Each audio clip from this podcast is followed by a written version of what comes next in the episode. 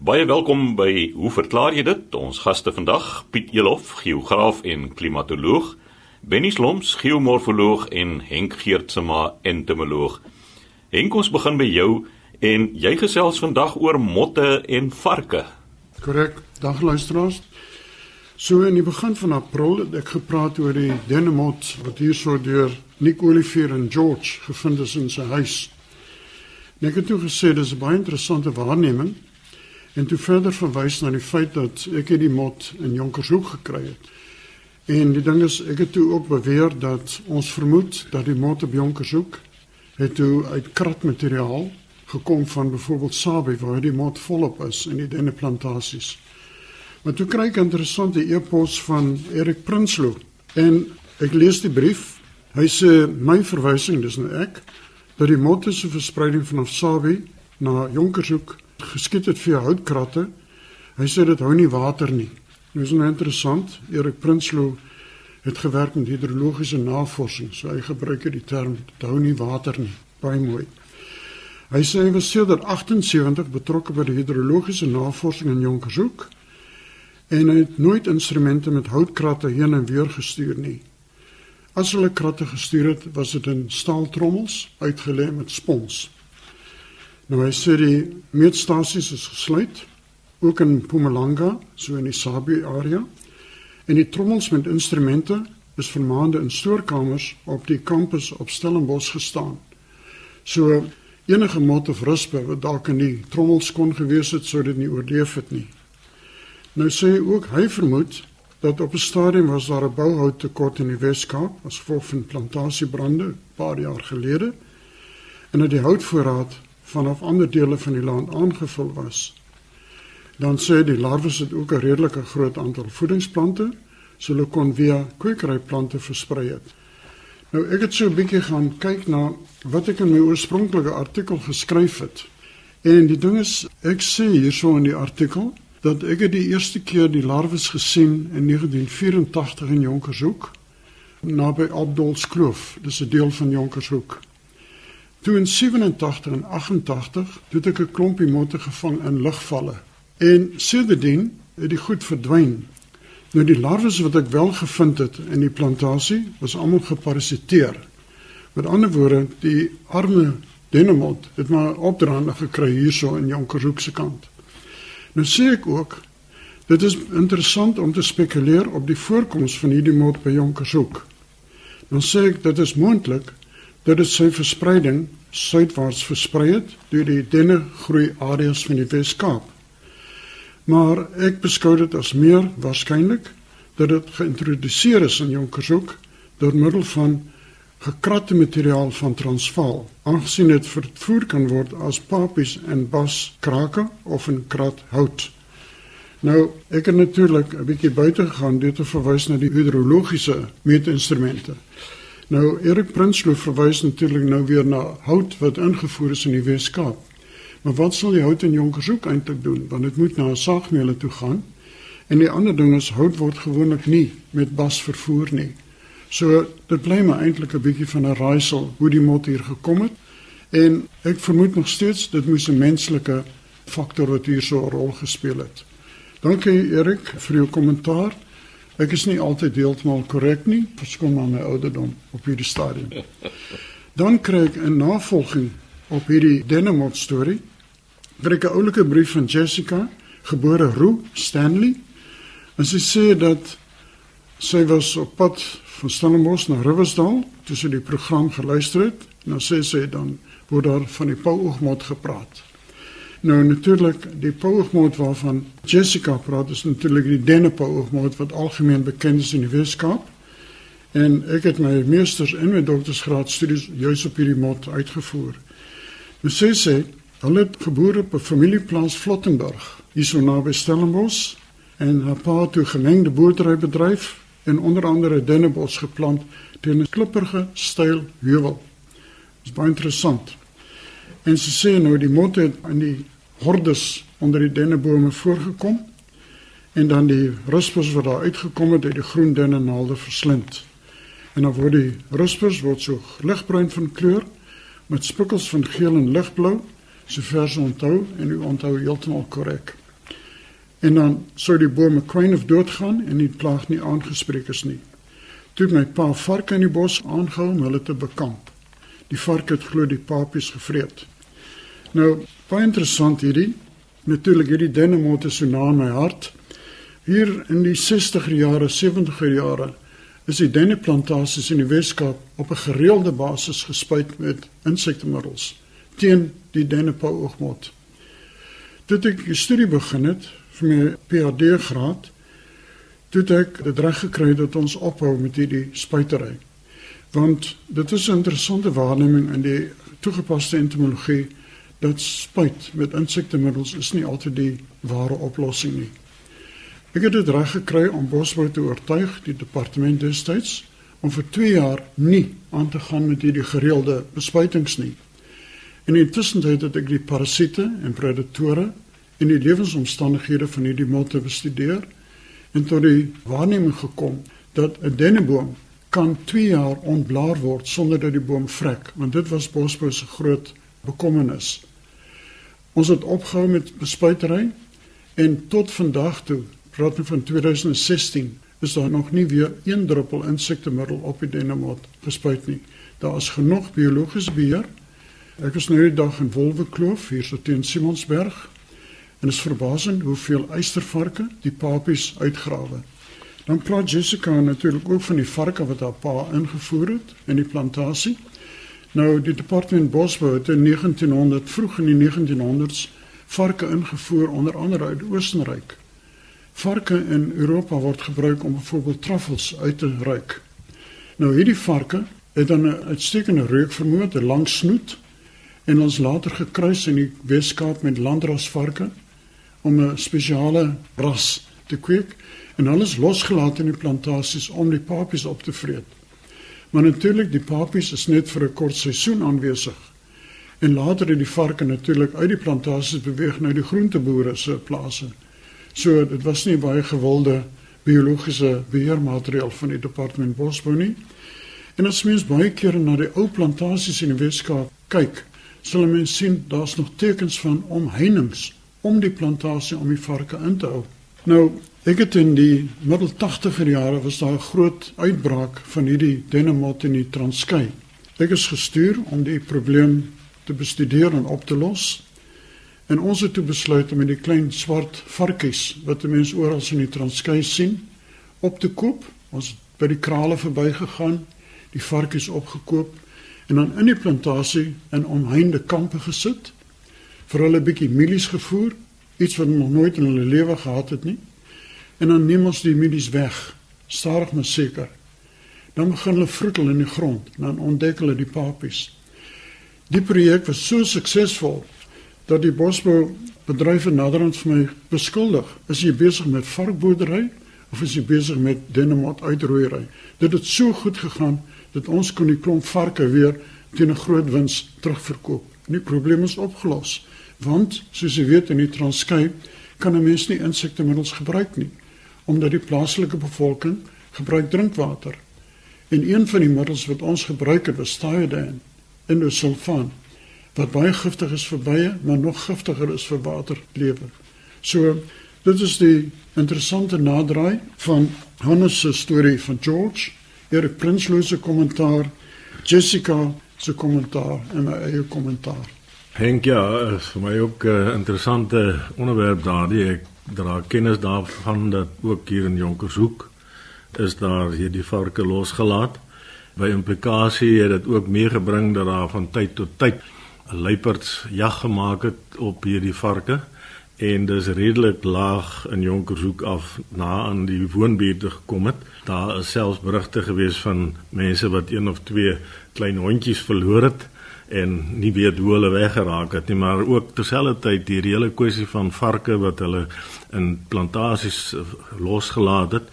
Ek dra kennis daarvan dat hier in Hermon omgewing is daar 'n natuurreservaat wat eintlik 'n blomme bol reservaat is. Uh, ek kan maar die naam noem Elandsberg. Mm. En uh, die mense het vreeslik probleme met die varke wat dan nou juis hier die blombolle uitgrawe en ander dele verder hier na die weste kant toe van die land en ook daar by Riebeek kasteel omgewing word daar eintlik jag-ekspedisies georganiseer om van hierdie varke dan te probeer minder maak. Maar moenie fout maak nie. Ek weet nie of dit die Oostenrykse bloed is wat in hulle is nie, maar hulle is redelik skelm en moeilik om in die hande te kry. Dankie. Ek het 4 jaar in Jonkershoek gewoon. En dit was my baie interessant om hierdie troppies klein varkies te sien. As mens kyk na die verskeidenheid, party was gekol, party was gestreep, party was van 'n enkele kleur. Met verloop van tyd het hulle verdwyn. En ek dink hulle is of gestroop of die luiperde het hulle werk goed. Hulle werk goed gedoen. Maar dit is interessant. Die luiperd, jy praat van die luiperd, die luiperd is 'n paar keer in ons woonbuurt raak gesien wat natuurlik nou groot kabaal in die dorpie veroorsaak het. Maar dit is interessant, die varke het naderhand 'n probleem geraak en ek weet my vriende sit gereeld in die nag in Wellington se omgewing en probeer hulle die varke nou onder die akkerbome in die hande kry. Maar hulle is skelm. So gesels Henk Geertsma, ons entomoloog, Piet Elof, ons geograaf en klimatoloog. Piet, jy gesels oor die vertalings van terme in klimaat en weerkunde. Ja, dankie Chris. Ek het 'n brief hier gekry van 'n luisteraar wat my eintlik, hoe kan ek dit stel, aanvat en sê dat ek baie onprofessioneel was om nie sy e-pos te beantwoord nie. Nou ek sal maar probeer bietjie meer professioneel wees en maar net verwys na 'n luisteraar. Nou Chris, ek lees graag die brief wat ek ontvang het. Dit word so gestel deur die luisteraar. Hy sê ek is ook 'n bietjie van 'n tegnologie verslaafde en het 'n iPad waarop of waarmee ek graag rondspeel. Hy sê op sy iPad het hy 3 toeps T O E P S wat deur en dan duidelik die maatskappy se naam doodgevee in Amerika gemaak is. Ek het hulle byna 3 jaar gelede gekontak om te hoor of hulle bereid sou wees om die toeps in Afrikaans ook beskikbaar te stel, waartoe hulle natuurlik ingestem het. Hulle het vir my 3 stringe gestuur en ek het die vertaalwerk vir hulle gedoen. Die eerste 3 toeps in die reeks handel oor die menslike liggaam, plante en huise en is nou in Afrikaans beskikbaar. Hulle het intussen nog 3 toeps in die reeks bekend gestel. Die eenvoudige masjiene, die aarde en weer en hy sê hy het nou weer geleentheid om die nuutste 3 toeps te vertaal. En dit is nou hier waar hy by ons wil kom intap en vertalings kry vir sekere terme wat hy nie heeltemal seker van is nie en die terme sê is weer verwant en sommige aard verwant. Nou die weer verwante terme wat hy hierna verwys is doldrums en occluded front vortex en dan ook light heavy bombardment en meander scars en trombolian eruptions. Nou uh ter wille van ons luisteraars sal ek nou ander luisteraars gaan ek nou nie net die Afrikaanse vertaling soos wat ons dit meestal gebruik deurgee nie maar ook net so een of ander feite nog oor 'n paar van hierdie aspekte. Nou die eerste een doldrums. Ons praat in Afrikaans ook dikwels van doldrums. En dit is eintlik uh, omgewings waar daar redelike windstilte heers en uh kalmte heers. Ons verwys ook soms na iemand wat in die doldrums is wat dan gewoon beteken hulle is maar redelik neerslagtig. Nou uh, wat die doldrums aanbetref, dis 'n windstilstreek hier naby die ewenaar en uh, kom eintlik voor binne die intertropiese konvergensiesone waar ons hoofsaaklik stygende lug het. Met ander woorde, daar is nie baie sterk winde ter sprake nie. En uh, ons weet dat van ons seiljag wetvaarte van Kaapstad na Rio is dit een van die probleme wat die mense ervaar as hulle die dolrums binnevaar en dan is daar min wind om hulle seilskepe aan te dryf. Nou die interessante is dit dat daar dikwels ook verwys word na die dolrums as die perdebreedtes. Nou ek het so 'n bietjie gaan rondkrap en lees en kyk En ek het nogal twee interessante verklaringe hiervoor gekry hoekom dit die perdebreedtes genoem word. In die eerste geval sê hulle dat die Spaanse seevaarders hulle 'n redelike klomp perde vervoer na die Wes-Indiese eilande toe en dan raak hulle vasgevang met hulle seilskepe binne hierdie windstil gebiede. En die verklaring was dan dat hulle die perde oorboord gooi om water te bespaar vir die matrose. Daar was egter ook 'n uh, ander verklaring vir die naam perdebreedes. Hulle sê dat die Spanjaarde het perde en dan veral teelmateriaal merries gestuur na die Kanariese eilande toe. Die Kanariese eilande hier aan Noord-Oos-Afrika se grens, min of meer so 29 grade noordbreedte, terwyl nou ja, Spanje en Portugal lê ietwat verder noord van die ewenaar. Met ander woorde, daardie bote met die perde dan op het ook deur hierdie sogenaamde windstil gebiede beweeg en dan is dit gewoon gestel dat baie van die perde gevrek het en dus die naam perdebreedtes wat daaraan toegeskryf is. Dan 'n uh, tweede term, occluded front. In Afrikaans praat ons van 'n uh, okklusie front. Dit word amper sê ek nou in korrekte Afrikaans vry algemeen vertaal en uh, word dan genoem ook okklusiefront. Nou miskien net so een en ander oor fronte. Ons het al by geleentheid meer inligting gegee. As ons verwys na 'n warm front, dan uh, verwys ons na warm lug wat die plek inneem van 'n uh, omgewing waar daar voorheen kouer lug voorgekom het. Met ander woorde, die een wat vorentoe beweeg, as ek dit so kan stel, is dan die warm lug. Nou dit gebeur natuurlik nie baie maklik nie omdat die kouer lug digter is en swaarder is. En daardie warm lugmassa eintlik maar 'n bietjie swaar kry om die koue lug weg te stoot. In die proses eintlik so 'n skuins styging van daardie lug en die eerste teken van so 'n warm front is cirruswolke wat ons dikwels omtrent 1000 km sien voordat die grond oppervlak front laat ek dit eerder so stel die oppervlakfront eintlik dan nou nader beweeg so 1000 so byvoorbeeld as gevolg van die feit dat hy swaar kry om hierdie lig te beskuif hy beweeg omtrent teen 25 35 km per uur vooruit. Ja, miskien net 'n ander opmerking Chris hier ook is dat die straal dampspore laat ek dit eerder so noem die dampspore van vliegtye in die lug wat ons dikwels sien in die Karoo is ook vir ons 'n aanduiding van so 'n warm front wat aan die kom ons veral as daardie dampspoor redelik lank in die lug bly die Engels daarvoor is dan 'n contrail. Die tweede front, 'n koue front is wanneer die koue lug die plek inneem van vorige warm lugmassas.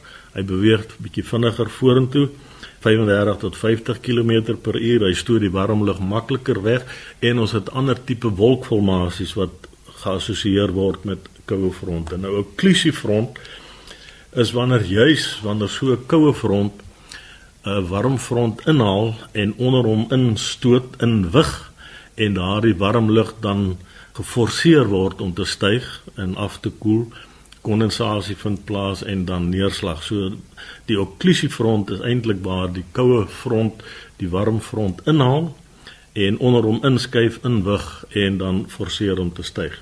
Dan tweedens uh, verder die term vortex Dis eintlik 'n draaikolk, maar ek dink ons aanvaar ook die term vortex in Afrikaans. As ek dan verkeerd is met iemand my asseblief reghelp daarmee, maar die term wat ons daarvoor gebruik ook vortex, ek dink nie 'n draaikolk het soveel ander konnotasies daaraan verbonde dat ons gebruik die term vortex. Dan meander skaars. In Afrikaans praat ons van rivierkronkels en dit kom veral voor waar die landoppervlak redelik gelyk en plat is en die rivierwater wat dan eintlik maar sy roete vind en so kronkel hy om op die laagste punte deur te gaan. Somstyds is daar egter redelike swaar neerslag en dan is die rivier geneig partykeer om kort pad te vat en dan sny hy deur die nek van daardie kronkels en uiteindelik sit 'n mens dan met wat ons ook in Afrikaans noem 'n hoefystermeer. Die Engels daarvoor is oxbow lakes of omgewings nou uh, so hoefystermeer kom dan maklik voor in in omgewings soos ek sê waar die landskap redelik gelyk is. Ek dink spesifiek aan 'n omgewing waar ek ook groot geword het en daardie omgewing Cederwil, maar daardie hele omgewing se plat wêreld, baie rivierkronkels en veral op lugfoto's sien 'n mens ook die ou kanale kronkelkanale wat daar voorgekom het wat nie altyd so maklik sigbaar is van die grondoppervlak nie. So dit is dan die meanderskaars is eintlik daardie merke as ek dit so kan stel wat deur die kronkel rivierkronkels veroorsaak is en wat op hierdie stadium dalk nou nie meer water dra nie maar hulle sit daar daardie merke die die bly daar sit. En dan uh, Chris moet ek uh, miskien vra dat my kollega Benny vir ons uh, ietsie meer sê oor die terme late heavy bombardment en strombolian eruptions. Dankie Piet. Ek het so 'n bietjie gaan nalees en die term late heavy bombardment is eintlik nie die korrekte term. Dis moeilik om dit direk in Afrikaans te vertaal want uh, waarna dit verwys is die volgende. Nou dit was gedurende 'n tydperk in die aarde se geskiedenis so 3920 tot 3850 miljoen jaar gelede toe daar intensiewe meteorietimpakte hier op aarde was. So die aarde was gebombardeer deur meteoriete. Nou tekens van hierdie meteorietimpakte gedurende hierdie tydperk is ook op die maan aanwesig. En Apollo ruimtevaders het bewyse teruggebring van hierdie gesteente tipes wat gevorm het tydens hierdie impakte. Nou die woord luit pas vir my glad nie by die beskrywing van hierdie vroeëre gebeurtenis van ons geskiedenis nie. Ek sou vroeëre vroeëre ewige bombardement van planeet Aarde, dit is waarna hierdie proses verwys, maar dit daar gelaat. Ek dink nie mens kan dit in 'n enkele term vertaal nie. Mens sal maar 'n omskrywing moet gee hiervan. Nou die tweede term, Piet wat jy vir my deurgegee het in Engels, dit is strombolian eruptions. Nou eruptions kan 'n mens vertaal met erupsie of erupsies of uitbarstings. Dit verwys na uitbarstings wat plaasvind by die vulkaan Stromboli. Nou ons gebruik ook hierdie term om die intensiteit van uitbarstings te beskryf. Nou vulkane kan op verskillende maniere beskryf word en daar's nog nie enigheid onder die uh, geomorfoloë hoe mense hulle moet klassifiseer nie. Maar die twee mees aanvaarde stelsels is die volgende. Mens kan vulkane aan die hand van die vorm van die keel kan 'n mens klassifiseer. Terme wat ons daar gebruik is goed soos 'n spleetvulkaan, dit is wat ons kry by IJsland. 'n Skildvulkaan, koepel, 'n saamgestelde vulkaan, kaldera ensovoorts. So dit beskryf die vorm van die keel. 'n Tweede manier om vulkane te klassifiseer is die geaardheid, die hewigheid van die uitbarstings. So dit is 'n klassifikasie van 1 tot 8 en dit word vernoem na die geaardheid van 8 bekende vulkane se uitbarstings wat voorkom. Ek kan hulle vinnig genoem. Die vulkaan wat die minste hewig uitbars, nie 'n goeie Afrikaanse omskrywing nie, maar die een wat nou die mees gematigde uitbarsting het is IJslandies, die vulkane by IJsland. Dan kry ons Hawaii's, derde Stromboli's en ek gaan nou weer terugkom daarin. Dan vulkanies Vesuvius, Krakatoa tipe uitbarsting, Plian en Plinian. Nou die hewigste een, Plinian, daar word groot hoeveelhede lava en piroklastiese materiaal word uitgewerp by hierdie vulkane en daar gaan ook gewoonlik groot skade of ongevalle kom voor tydens die uitbarsting van so 'n vulkaan. Tipies kry ons hierdie vulkane wat so ewig uitbars op die Andes gebergtes in Suid-Amerika. Hulle is almal suurvulkane en luisteraars wat al filmmateriaal gesien het van die uitbarstings daar, dit is so vaal stof wat so neersif oor die hele landskap nadat hy daar uitgebars het. Nie 'n aangename ervaring nie.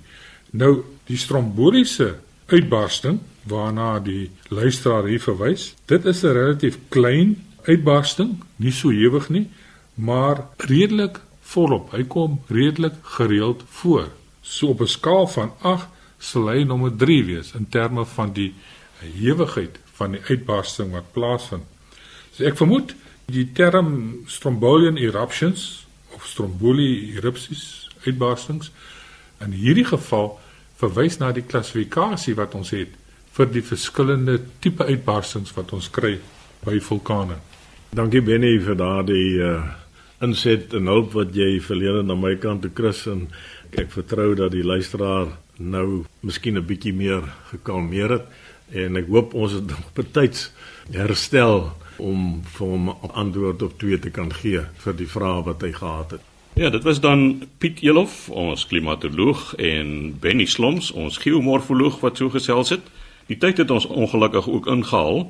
Skryf gerus aan ons by hoe verklaar jy dit? Posbus 2551 Kaapstad 8000 of stuur 'n e-pos aan chris@rsg.co.za.